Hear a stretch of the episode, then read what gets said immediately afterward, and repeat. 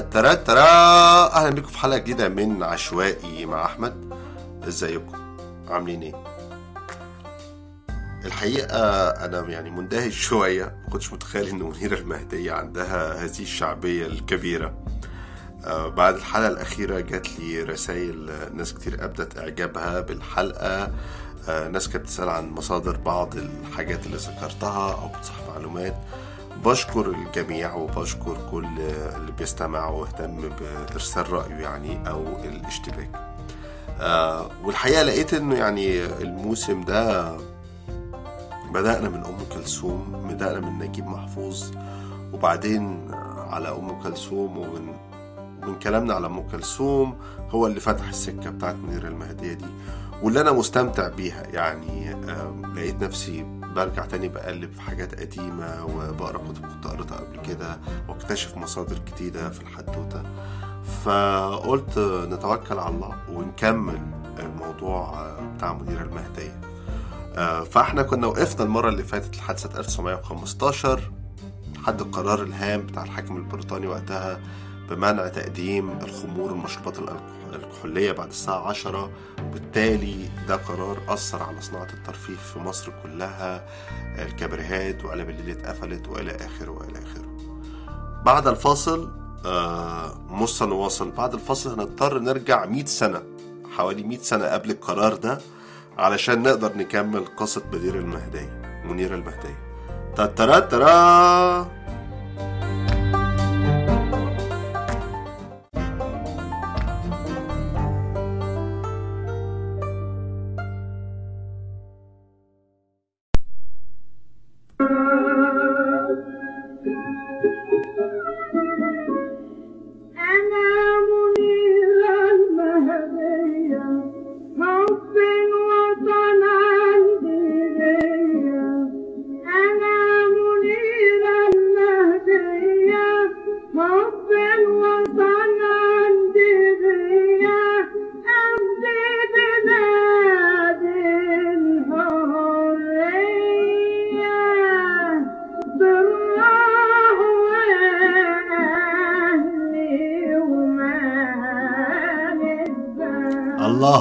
الله يا ست.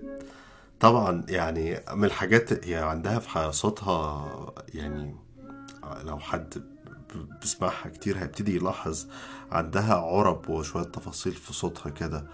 منها فيها في آه كده يعني أول مرة أبقى بسمع حد أحس إنه بيقدر يعمل يقلقل حرف الألف يقلقل الحمز الهمز طبعا الأغنية دي سمعنا جزء منها الحلقة اللي فاتت دي برضه من الأغاني المشهورة اللي بحبها لها اسمها بصارة بالراجا ومن مجموعة من الأغاني القليلة اللي لحنها لها سيد درويش.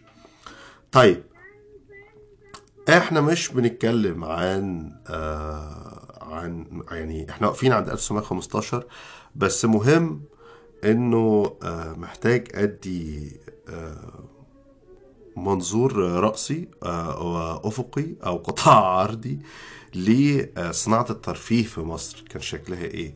وإيه هي البيئة اللي هي كانت بتشتغل فيها؟ عشان نقدر نقدر القفزة الكبيرة اللي حصلت من أولا قرار الحاكم البريطاني ده ومن المسار اللي خدته منيره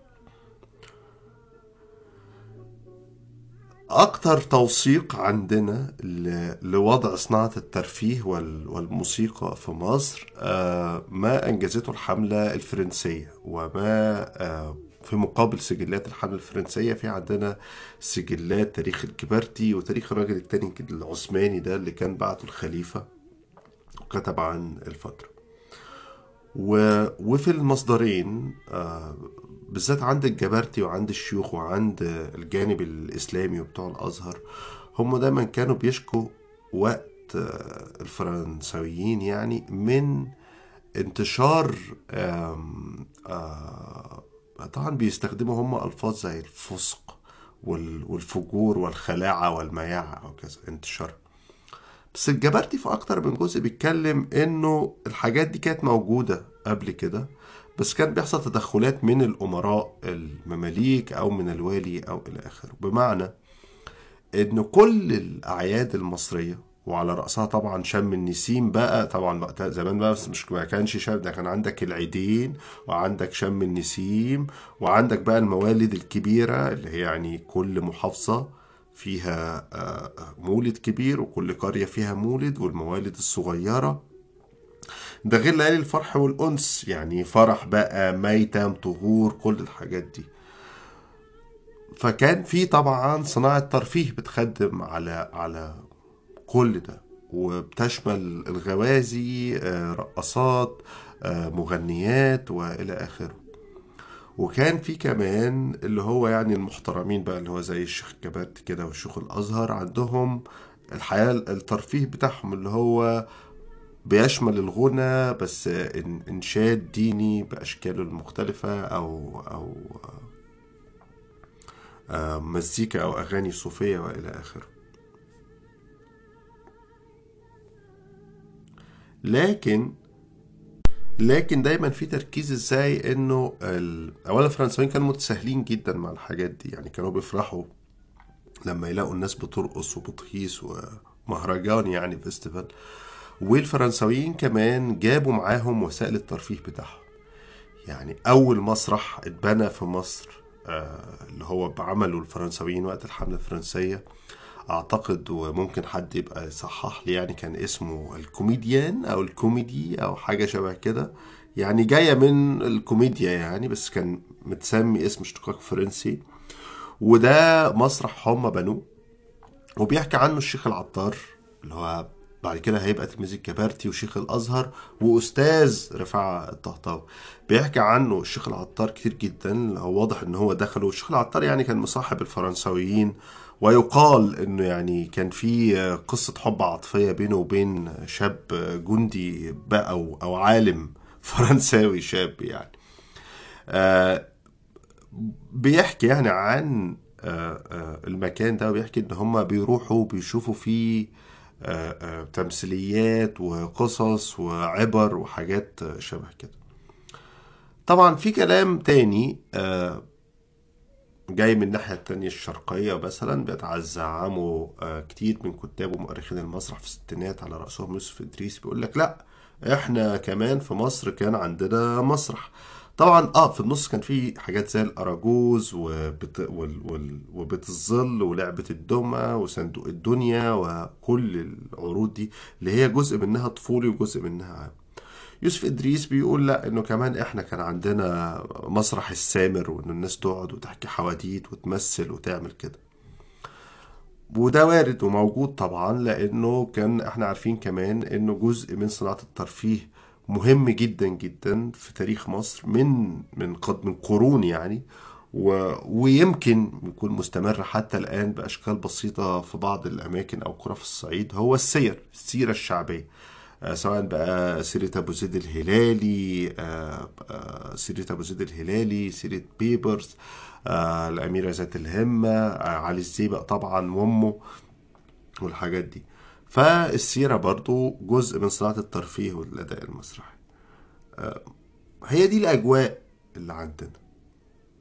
في وقت نابليون وفي وقت الحملة الفرنسية. وحصل لها انتعاش الأجواء دي لأنه حاجتين. حصل اندماج ما بينهم. حصل لقاء صدمة بين وسائل الترفيه والإبداع الفني الشرقية والغربية.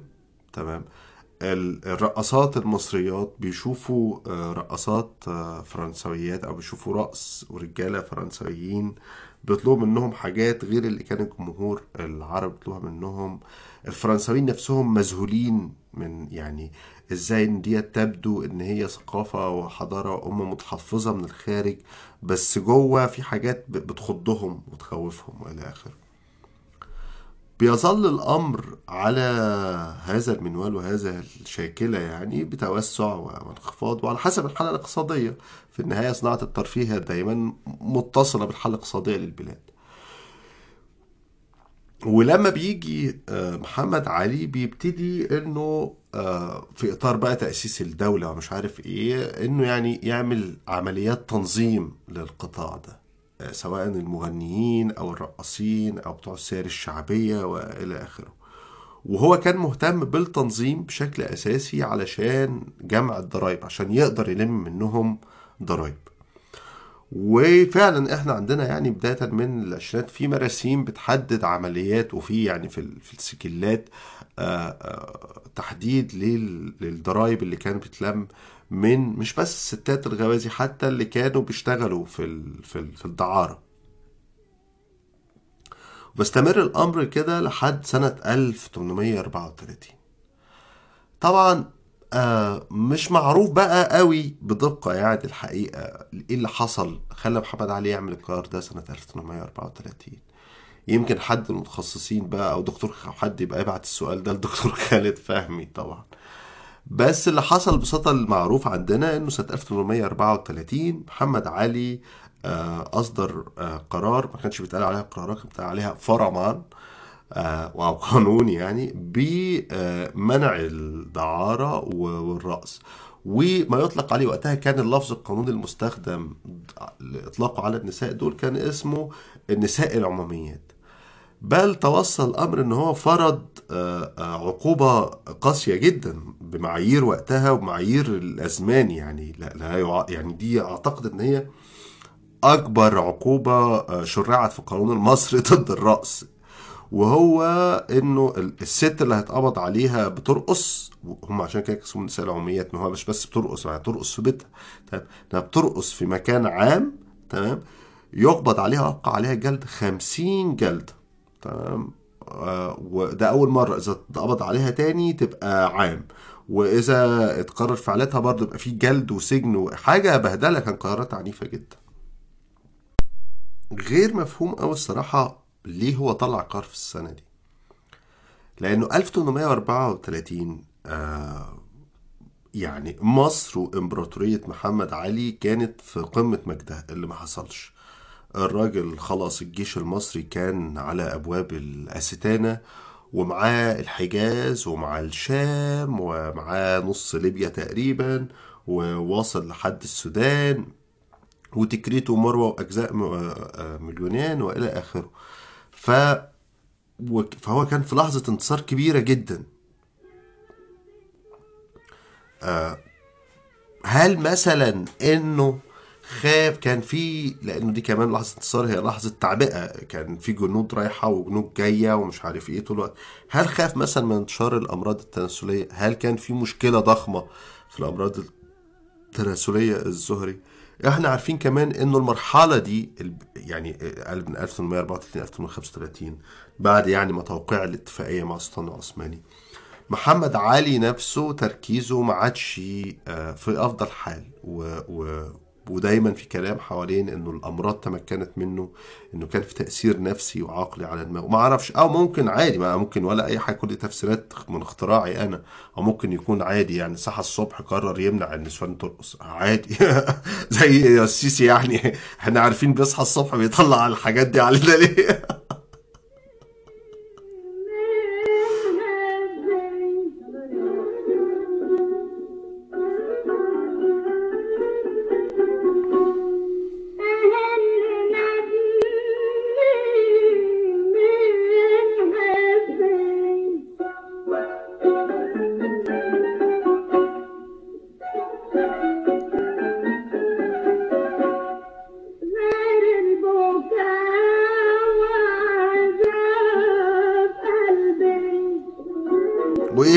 من الحزن غير البكا وعذاب قلبي صحيح.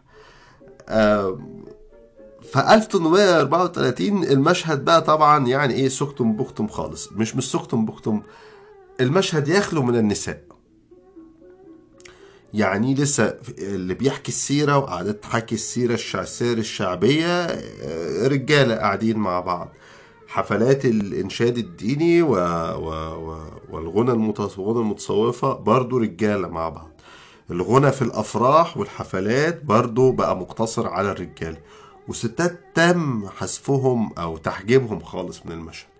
بس لحسن الحظ إن القرار ده لم يستمر طويلا بيتغير في عهد عباس ال- الأول آه وسنة 1866 تقريبا آه 1866 لحظة أتأكد. آه 1866 بيتشال الحظر على آه رأس الستات. بس خلال الفترة دي اللي هو فترة كبيرة جدا 30 سنة إيه اللي بيحصل؟ ما هو مش معقولة الناس تقعد من غير رأس. يعني إيه اللي بيحصل؟ اللي بيحصل إن ابتدى الولاد أو الرجالة يل... ي... يلبسوا لبس ستات ويطلعوا هم يرقصوا. وبنلاقي طبعا كل سجلات الرحالة الأوروبيين في الفترة دي والفت... والفترات التالية تمام؟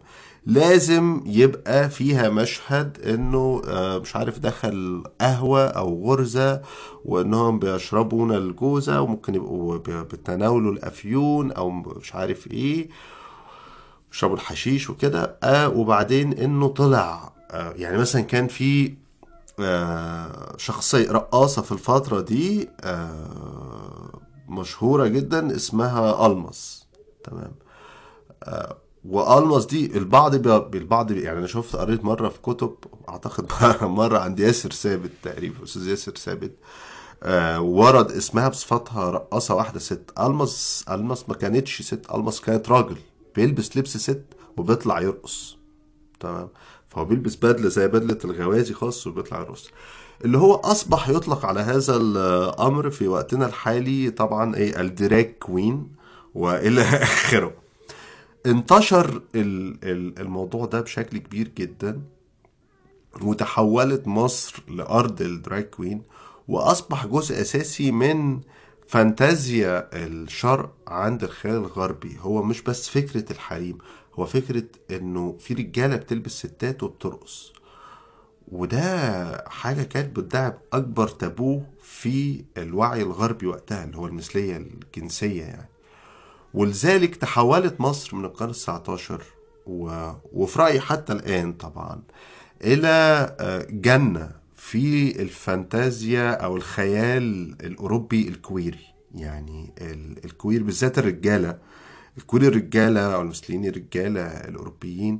وده جزء موضوع من المواضيع اللي ما اتدرسش آه، كويس الحقيقة. دي شيء عجيب جدا. يعني حتى جوزيف مسعد ما كتبش عنه يمكن لأنه هو زيهم برضه هو كان جاي مصر يدرس متسلط عليه الخيال ده خيال ودايما في قصص الرحالة الأوروبيين ومنهم كتاب كبار جدا وشعراء عن عندهم سرد القصص حب بينهم وبين رجالة مصريين queer آه، أو drag queen طبعا وقتها ما كانش بتقال عليهم drag queen ولا ولا queer ولا الكلام ده كان بتقال عليهم الكلمة اللي هي أنا في رأيي المفروض الكلمة الصح اللي تتقال بالعربي وهي بتقال خول أو خولات تمام؟ يعني هو هي دي الكلمة فعلا في رأيي الترجمة الصحيحة لكلمة كوير وبالتالي انتشر رأس الخولات في الفترة اللي هي 30 سنة دي.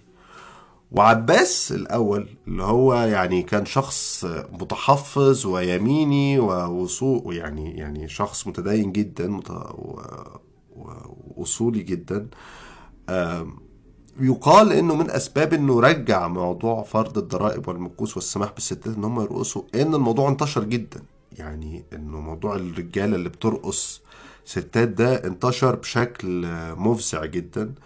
وتحول لهاجس اللي هو قال لك لا طب رجع لهم بقى الستات يعني بدل ما نروح في 60 ده يا كل ده.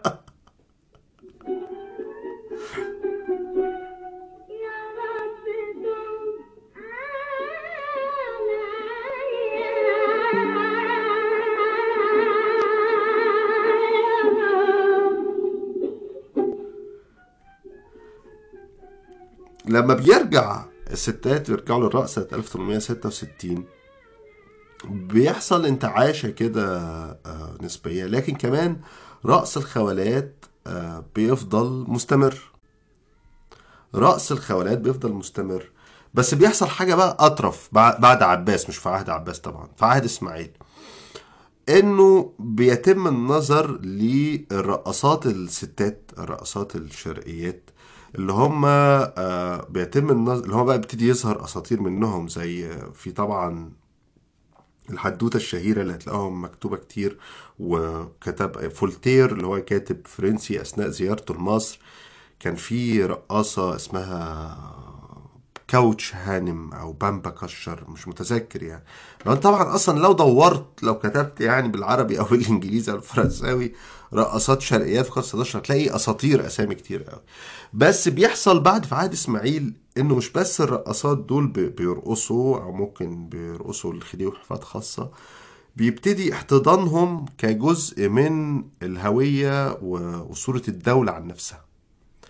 وتحديدا إسماعيل هو اللي كان مركز مع ده. يعني إسماعيل يبتدي مثلا إنه آه، وهو طبعا بيعمل إسماعيل كان بيعمل طول الوقت حالة المراية دي. هو الراجل بيروح هو درس في أوروبا وبيروح أوروبا بيشوف عندهم إيه وبيرجع يعمل حاجتين. يا إما إنه بيعمل مراية آه، سواء بقى إن أنا شفت المبنى ده عجبني في باريس فأنا عايز المبنى ده عندي في باريس. تمام.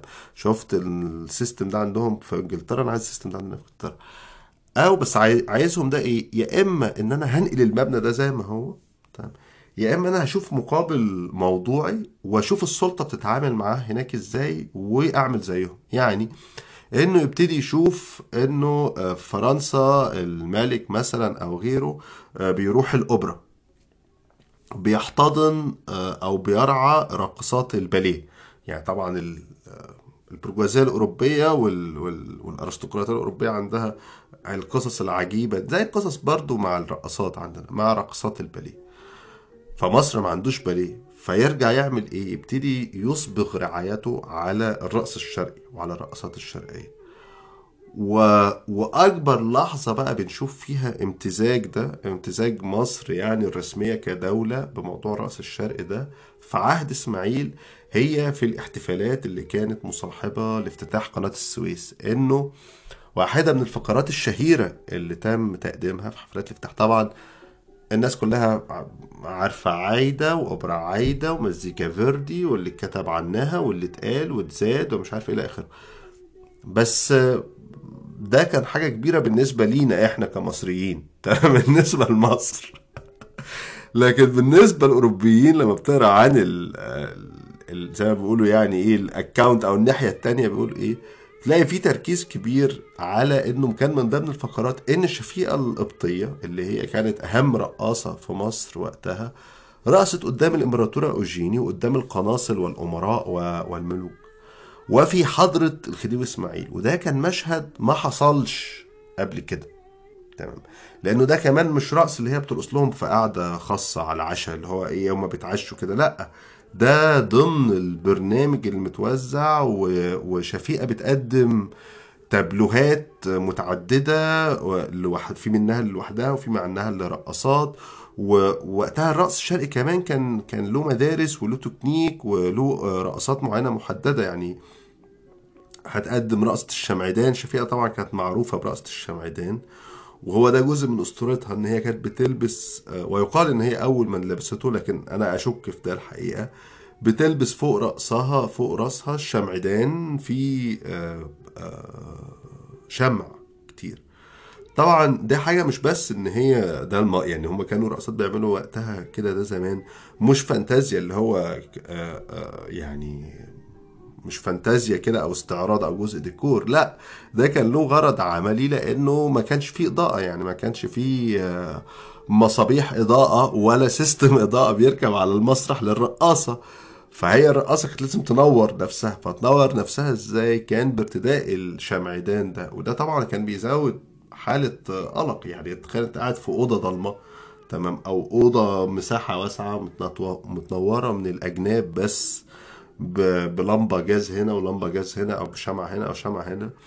في النص واحدة لابسة شمعدان عليه كل هذه الشموع ال... فهي منورة بتتفرج على هالة نورانية. فشفيقة قدمت الرقصة دي مثلا. وده كان حدث آه، كبير جدا وقتها. في عهد برضه إسماعيل حصل الحدث ال- الأهم وهو إنه إسماعيل أسبغ رعايته برضه على حد تاني مهم جدا اللي هو يعقوب صنوع وبعد الفاصل بقى.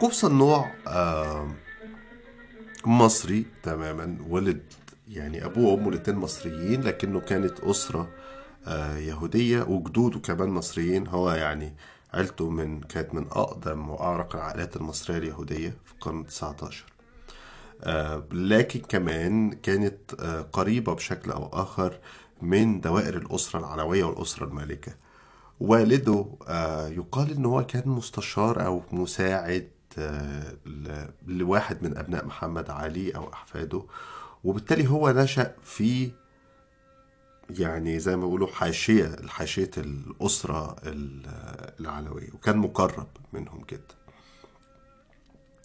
ولهذا السبب فهو وكمان من هو صغير آه، طبعا في أساطير كده بتحكى حوالين نشأته. أمه مش عارف آه، راحت ما كانتش بتحبل فراحت لشيخ فالشيخ مش عارف قرأ عليها قرآن. ف وهو طبعا جزء من الموضوع إن هو الطريقة اللي بيحكي بيها سيرته الذاتية وبيحكيها كذا مرة و... و... وبلغات كتير. هو كان بيتكلم وبيكتب وبيبدع بلغات كتير جدا. بتختلف كل شوية آه، أو بتغير فيها تفاصيل جزء منها إنه يعني من وهو صغير تعلم القرآن والإنجيل والتوراة. وكان بيعرف يتكلم أكتر من من لغة وكان مجاز في العلوم اليهودية مع درجة دينية حتى. ونتيجة لنباهاته ديت آه، تم إرساله مش من الدولة مش من إطار بعثة رسمية في في الدولة لكن من قبل يعني حد آه، راعي له أو الباترون آه، في الأسرة الخديوية لدراسة الفنون في إيطاليا. راح إيطاليا وسافر أوروبا ورجع اشتغل بالتدريس والترجمة وإلى آخره لحد ما ابتدى يعني تتولد في ذهنه فكرة إنه يعمل فرقة مسرحية. وابتدت فعلا آه، فرقته المسرحية ابتدى بأنه يقدم يعني أول مسرحية يعني تقال الأسطورة إن هو أول مسرحية تم تقديمها أمام الخديوي إسماعيل والأسرة العلوية. هو عمل فرقة صغيرة وقدم عرض مسرحي ليهم. وأعجب الخديوي إسماعيل جدا بما يقدمه والخديوي إسماعيل حتى هو اللي اداله اللقب ده قال له أنت موليير مصر. تمام. وهنا بنرجع تاني الموضوع اللي بقول لكم عليه بتاع المراية اللي كان دايما إسماعيل بيحب يعمله. وأنا أعتقد إنه البداية بتاعت آه، استخدام ألفاظ أو ألقاب لإطلاقها على المصريين هقول لك إيه دي مارلين مونرو الشرق دي مارلين مونرو مصر وفلان ده موليير مصر. هو ما ابتداش إلا وقت محمد علي. آه، لأنه الراجل استثمر كتير جدا وكان دي أول مرة الدولة تحط إيديها في مجال مش بس التعليم بقى هنا الفنون والثقافة والإبداع وبقوة جدا. وده كان بيحصل وهو زي ما أنا بقول لكم كده هو في ذهنه نموذج المراية. وفي ذهنه إن هو بيعمل اللي بيعمله ده علشان مصر تستحق إنه يكون عندها فنون زيها زي أوروبا. وعشان يغير الصورة الذهنية عن مصر في ذهن الأوروبيين والشرقيين. اللي هي بالمناسبة نفس الأسباب اللي علشانها السعودية و...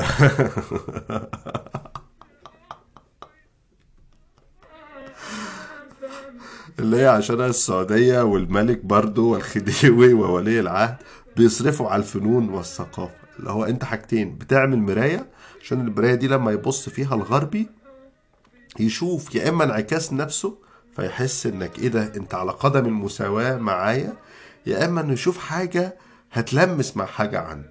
تمام؟ بشكل ما أو آخر. طبعا ما بيحصلش يعني بيحصل حاجة تالتة طول الوقت لكن هي دي الطريقة دايما اللي آه، السلطة في بلداننا الشرقية بتشتغل فيها أو تعامل بيها مع الفن وال- والثقافة. فهو أسبق رعايته على يعقوب صنوع ودعم الفرقة المسرحية بل سمح له باستخدام واحد من المسارح الخديوية وقتها وتم ويعقوب صنوع توسع تماما في فرقته المسرحية دي وابتدى حتى يضم ستات مش مسلمات طبعا ابتدى يضم ستات معاه في الفرقة. و الدنيا ماشية حلاوة الراجل عمال يكتب مسرحيات وهو كان غزير الإنتاج جدا.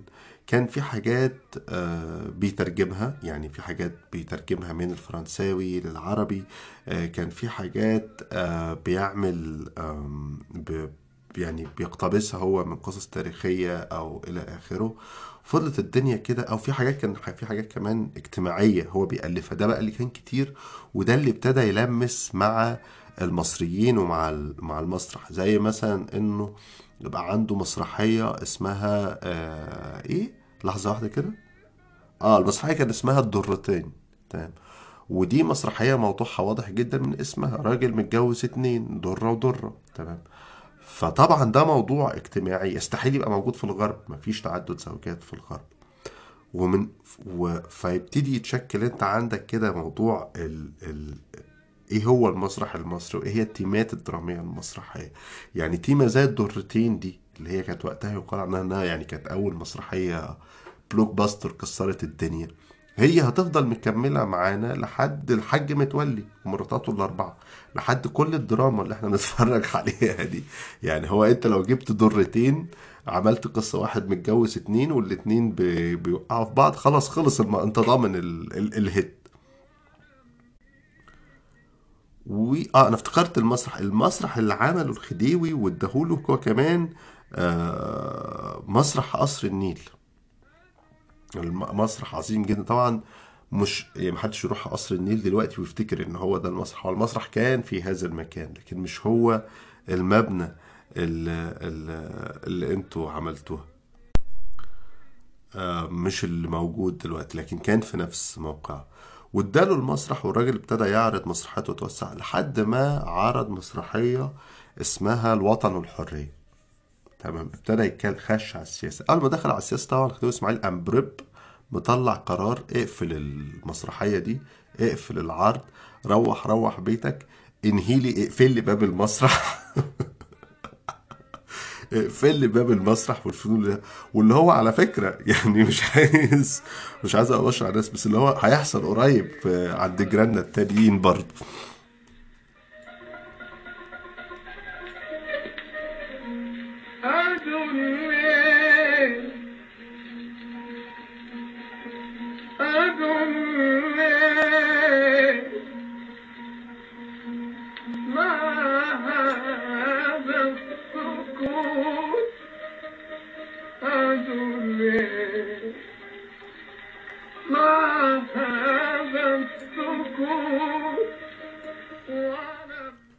سكت الكلام على رأي الشيخ محمد سلام مع حجازي ما هذا السكوت.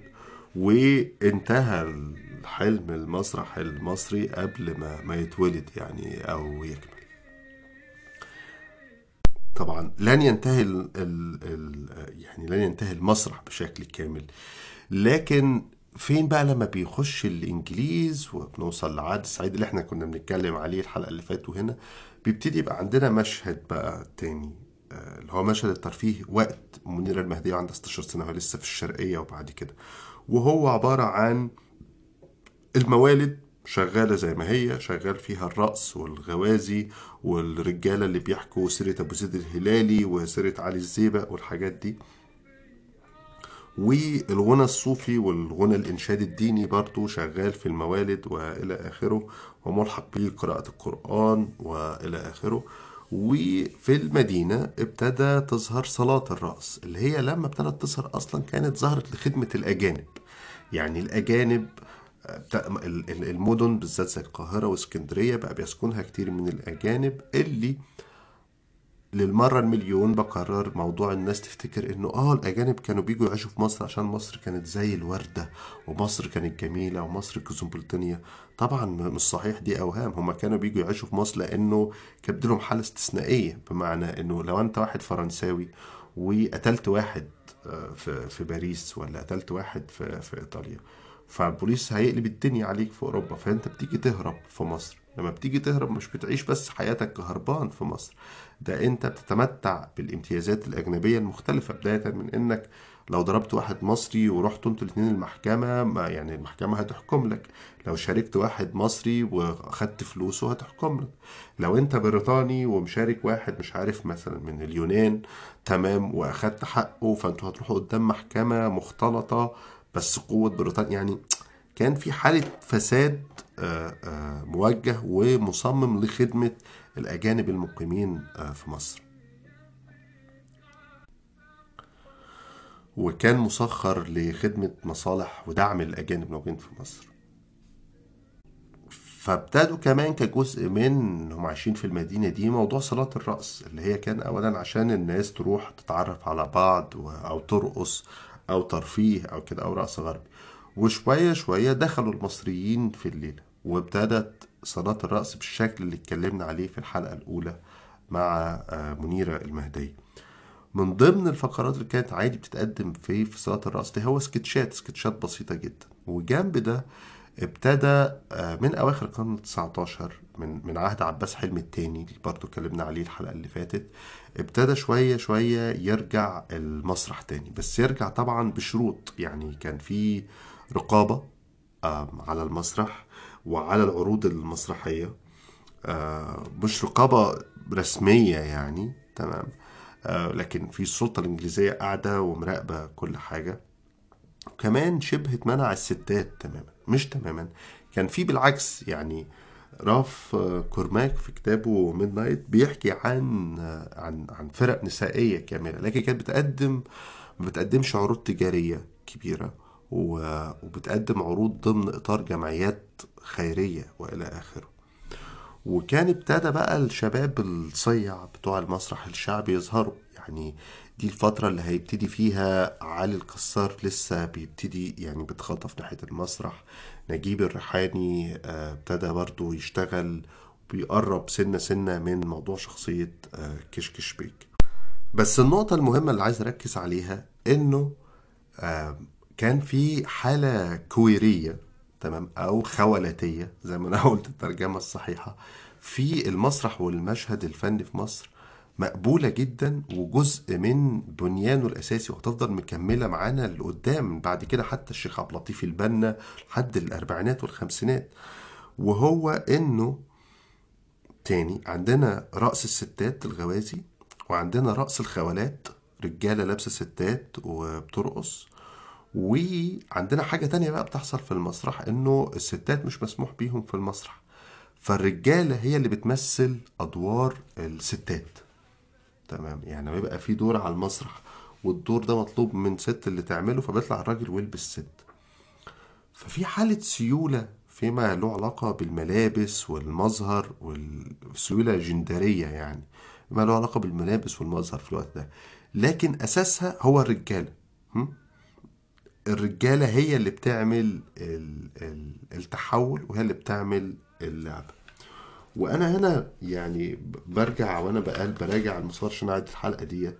فرجعت تاني فتحت كتاب راف كورماك اللي هو Midnight in Cairo. وأستاذ الدكتور ياسر ثابت برضه عنده كذا كتاب مهم قوي عن الرقص وعن فنون الترفيه في الفترة ديت بنصح بيها. المهم إنه راف كورماك في كتابه بتاع Midnight in Cairo ده بيحكي آه، حدوتة إنه آه، في سجلات الأرشيف البريطاني. في واحد آه، ضابط بريطاني كان اسمه آه، جوزيف ماكفرسون. أوكي. وده كان ضابط بيخدم آه، في مصر. والضابط ده راح حضر آه، عرض آه، رقص وفوجئ في نهاية عرض الرقص بأنه اللي بيرقص آه، آه، راجل يعني. بس بيحكي إنه العرض يعني كان فانتازي جدا ورهيب وجميل جدا وإنه بعد ما انتهى العرض الرقاصة أو الراقص ده كان بيوزع كروته على الحاضرين كان عامل كروت بيوزعها على الحاضرين. والكارت كان مكتوب فيه بالعربي وبالإنجليزي آه، the famous Egyptian dancer حسن حسين فؤاد. اللي هو طبعا واحد طبعا الخولات زي ما قلنا موجود من القرن ال 19 كله بس حسين فؤاد ده هيرد ذكره آه، بأشكال خاطفة يعني في بعض المذكرات وفي بعض ال- الدوريات في الفترة ديت. كواحد من اشهر بالذات الحاجات الإنجليزي والفرنساوي كواحد من أشطر الراقصين الرجال اللي بيرقصوا آه، رقص البطن أو هز البطن. أنا بحكي القصة دي ليه بقى بنحكي كل القصص ديت وما قبلها؟ عشان أفهمكم الوضع بتاع منيره المهدية تاني. يعني عايزين نراجع مع بعض ال ال الأساسيات يعني في الحالة بتاعت منيره المهدية وهي إنه بنت اتولدت في الشرقية شقية أختها أصرت إنها تعلمها القراية والكتابة احترفت الغنى جابها واحد قال لها تيجي معايا القاهرة هتغني في كافيه ابتدت تغني في كافيهات وقتها كان محلات الغنى أو محل اللي هي مقهى على بار وهو ده مكان بيغني الناس وبترقص فيه. كبرت جدا لدرجة إنها فتحت المقهى بتاعها نزهة النفوس اللي هو كان ملتقى يعني الجمع المثقفين والنخبة وإلى آخره ومساحة للحرية. وفي قمة مجدها في نفس الوقت ده ترافق مع ظهور الجراموفون. فالجراموفون عمل ثورة غيرت في شكل المزيكا. ظهور فن الطقطقة آه، آه، كشكل موسيقي وغنائي والتوسع فيه ومنيرة المهدية بتركب الموجة التكنولوجية دي. بتبقى يعني أول مغنية استفادت من صناعة من التكنولوجيا وتأثيرها على صناعة الموسيقى والغنى. فبقت أكتر مبيعات فونوجراف أعلى مغنية أجرا إلى آخره إلى آخره لحد 1915 لما بيصدر قرار الحاكم البريطاني بمنع تقديم الخمور وبتنتهي المحلات دي فهي بتقرر تروح على المسرح. لما هي بتروح تبتدي تعمل مسرحيات تغني مسرحيات هي ما تعرفش آه، مسرح. تمام. وخبرتها بالمسرح كلها جاية من علاقتها بالشيخ سلامة حجازي. الشيخ سلامة حجازي طبعا اللي هو مغني وملحن كبير جدا أثره وظله أنا رأيي إنه ممتد حتى الآن على الموسيقى المصرية والعربية. وكان النجم الأول في نهاية القرن التسعتاشر لحد بداية القرن العشرين. وكان عنده إعجاب خاص جدا بمنيرة المهدية وكانت بتغني له. وإحنا سمعنا لو حد يرجع الحلقة اللي فاتت منيرة المهدية لعبت فيها مقطع من آه، حوار تلفزيوني المنيرة مع أمينة ناشد بتتكلم فيه عن علاقتها بسلام حجازي وإزاي هو كان شايفها الوريثة يعني بتاعته.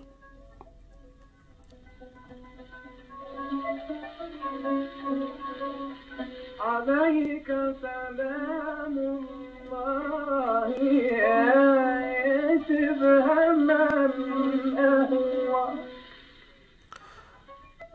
فلما هي بتخش المسرح هي مش عارفة تعمل إيه فبتبتدي تاخد من أدوار الشيخ سلامة حجازي. الشيخ سلامة حجازي كان بيعمل مسرح كان بيعمل مسرح غنائي لأنه يعني ده كان راجل وراجل محترم وشيخ سابق. فالغنى الغنى المحترم يعني بتاع الفترة ديت إنه المغني مش هتغني بقى على اسطوانات وفودافون ولا تغني في محلات رقص بتعمل مسرح. وهي ما كانتش حتى بتبقى مسرحيات هي أشبه بلوحات استعراضية غنائية. فهو مثلا يقوم يعمل مسرحية صلاح الدين. أحيانا المسرحيات تبقى متاخدة من ألف من قصص ألف ليلة وليلة زي أنيس جليس أو آخره؟ وتبقى مطعمة بالكتير طبعا من الأغاني والأدوار. علشان هو الناس رايحة تسمع غنى بشكل أساسي. مع تمثيل طبعا. لكن الغنى إنك راح تسمع سلامة حجازي يعني راح تحضر مسرحية لسلامة حجازي فهي ابتدت تعمل أدوار سلامة حجازي لأن هي كانت حافظة أدواره الغنائية. لما هي ابتدت تعمل ده فالأدوار اللي كان بيمثلها الشيخ سلامة حجازي هي أدوار رجالة طب منيرة مش راجل تعمل إيه؟ فكانت تطلع على المسرح تغني وتمثل وهي لابسة راجل. تمام؟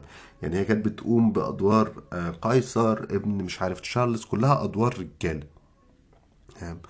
وبتغني لأنها ماشية على أدوار سلامة حجازي. طبعا لما ابتدت تعمل ده في في اهتمام في اهتمام لأنه مغنية كبيرة ولها جمهورها فالناس بتروح عشان تحضر آه، منيرة المهدية تسمع منيرة المهدية. لكنه مش مسرح وهي حست إنه ما هياش قد المنافسة لأنه هي في الوقت اللي هي اتجهت فيه ده 1915 للمسرح ابتدى يظهر لأول مرة في المسرح فكرة الكاركتر اللي هي برضو فكرة هتفضل فكرة مركزية في الغنى والتمثيل وصناعة الترفيه المصرية كاركتر بمعنى إيه؟ بمعنى إنه يبتدي مثلا آه، آه، نجيب الريحاني يوصل إنه ينحت شخصية آه، كشكش بيه اللي هو العمدة اللي جاي من الفلاحين والعمدة ده اتدلى من اتدلى على المدينة وجاي يبيع محصول القطن ومعاه فلوس محصول القطن وبعدين بقى بتاخدوا الحياة الليل والسهر والرقصات والغوازي. اللي هي هتفضل تيمة بتتكرر معانا يا جماعة طوال التاريخ. يعني هو بص عملها نجيب الريحاني سلامة حجازي عادل إمام أول آه هو أصلا عادل إمام بداية شهرته والفرقعة بتاعته برضه نفس القصة رجب فوق صفيح ساخن. تمام بعدين الواد محمد رمضان في الصعايدة وصلوا اللي هي التيمة اللي هتفضل متكررة الولد أو الراجل أو المعلم اللي جاي من الصعيد أو من الفلاحين وصدام المدينة بالريف وإلى آخره. نجيب بيه بيعمل نجيب الريحاني بيعمل كشكش بيه. آه علي كسار بيعمل شخصية بربري. موضوع معقد جدا علي الكسار ده. وبعدين في صعوبية سياسية وقلق وكده فخليه بعدين. فهي كانت حاسة إنها مش هتقدر تنافس على ده. فقررت تعمل إيه؟ تعمل بقى اللي هي شاطرة فيه جدا التسويق. هي قامت راحت أعلنت عن تشكيل فرقة مسرحية سميتها الفرقة المصرية لأنه إحنا زي ما سمعنا في الأغنية اللي سمعتها لكم من شوية حب الوطن ده هي منيرة المهدية وحب الوطن غالي عليا.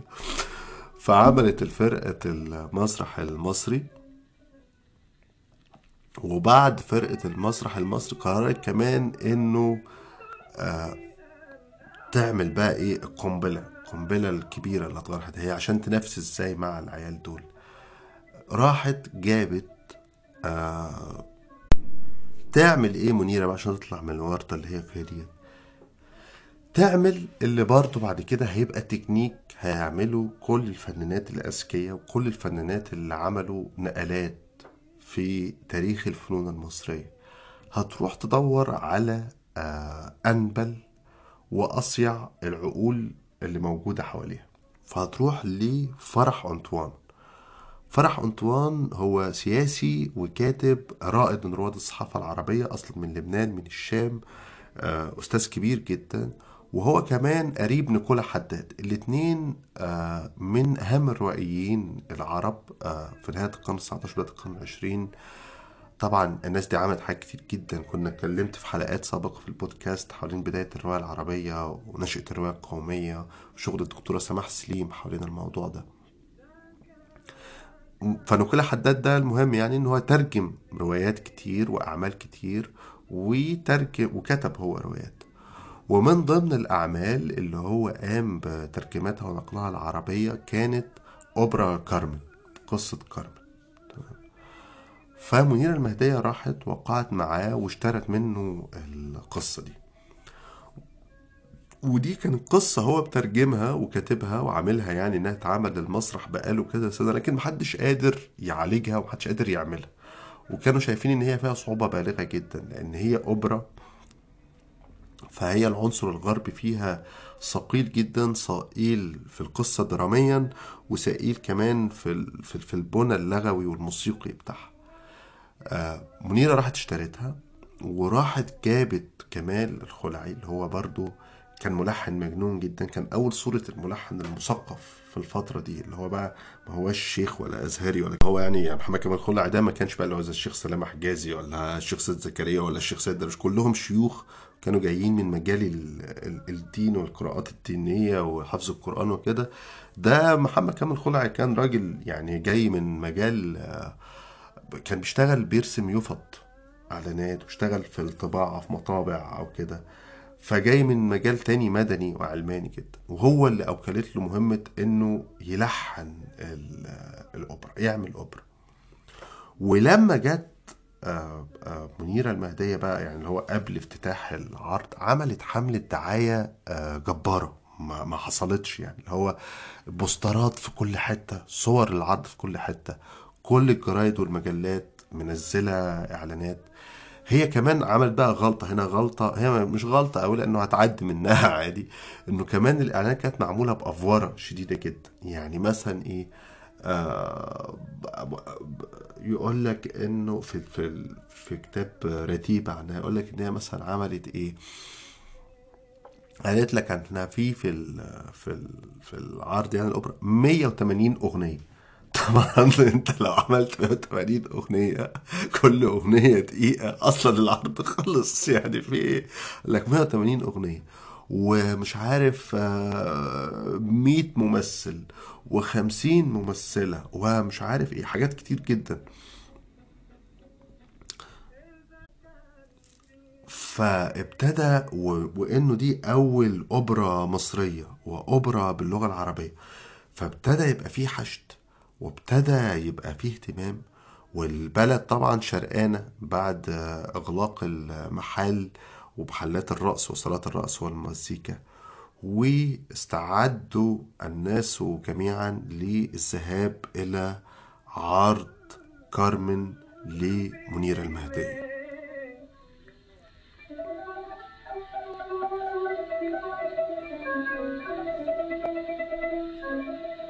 إليك